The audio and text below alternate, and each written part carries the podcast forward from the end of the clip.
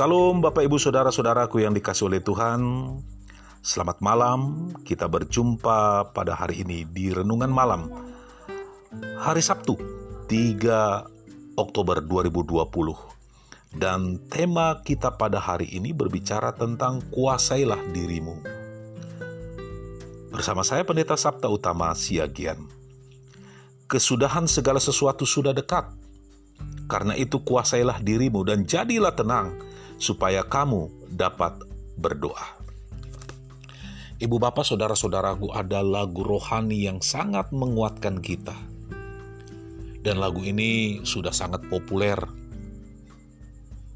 Khususnya ini adalah lagu rohani.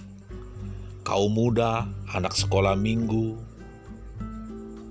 lansia, hampir rata-rata tahu lagu ini lagu yang sangat menguatkan kita. Seperti ini liriknya Bapak Ibu Saudara-saudaraku. Hidup ini adalah kesempatan. Hidup ini untuk melayani Tuhan. Jangan sia-siakan waktu yang Tuhan beri. Hidup ini harus jadi berkat.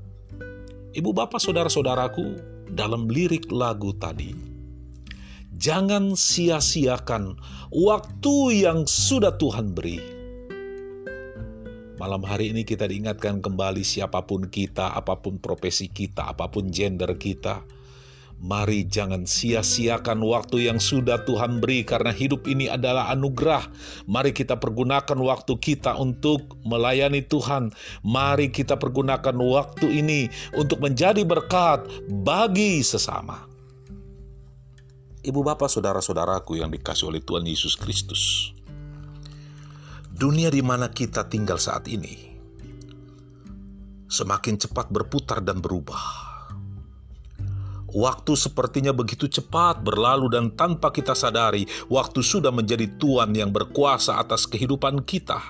Waktu sepertinya telah memperbudak diri kita, di mana kita dituntut untuk selalu mengikuti dan mengejarnya. Jadi tidak heran kalau hari-hari selalu diisi dengan kesibukan-kesibukan yang tidak pernah ada habisnya. Ibu bapak saudara-saudaraku yang dikasih oleh Tuhan Yesus Kristus. Sang pemberi waktu yaitu Tuhan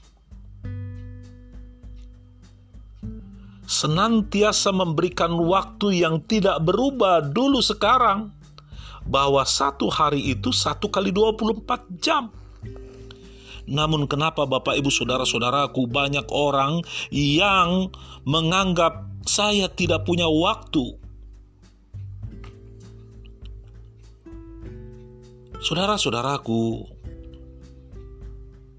yang dikasih oleh Tuhan Yesus Kristus.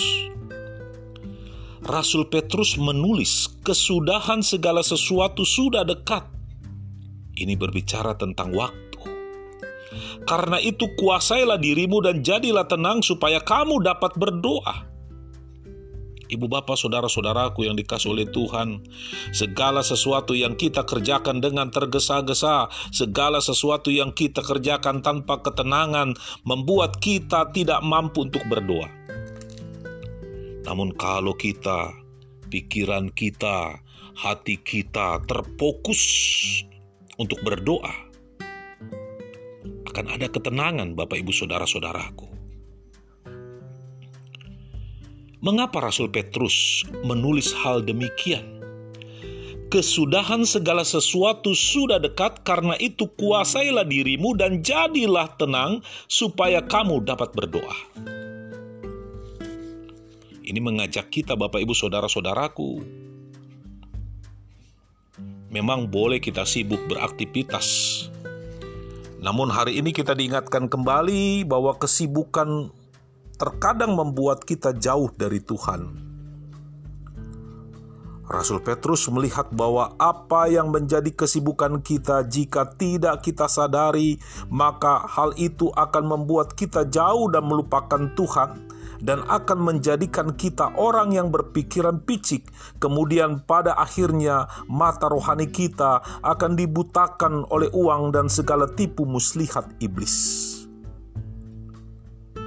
Sehingga, ketika misalnya ada orang bertanya, "Kok jarang ke gereja? Kok jarang beribadah?" Pertanyaan ini sering dilontarkan oleh seseorang kepada seseorang, mungkin di saat-saat belum pandemi. Kok baru kelihatan? Seperti itu, Bapak, Ibu, saudara-saudaraku. Lalu dijawab, "Aduh, mohon maaf, saya sibuk. Saya tidak ada waktu untuk beribadah. Saya tidak ada waktu untuk berdoa." Ibu, bapak, mari kita renungkan, tidak ada waktu untuk berdoa namun orang beriman selalu ada waktu untuk berdoa.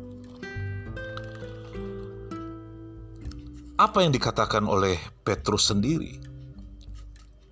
Kesudahan segala sesuatu sudah dekat, karena itu kuasailah dirimu dan jadilah tenang, supaya kamu dapat berdoa. Kesibukan membuat kita kehilangan ketenangan semua kita dikejar oleh deadline.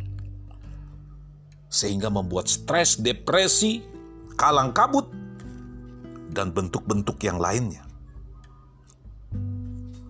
Apa yang kita hasilkan dari kesibukan kita sebenarnya tidak kekal.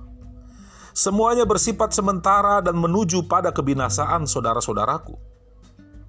Karena itu, sekaranglah saatnya menghitung hari-hari agar kita memiliki hati yang bijaksana dan hidup dalam jalan Tuhan serta rencananya yang indah atas hidup kita.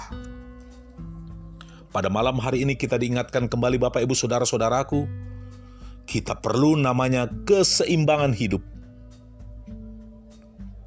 Carilah dahulu kerajaan Allah. Itu menjadi prioritas kita sebagai orang beriman. Selamat istirahat. Selamat malam. Salam.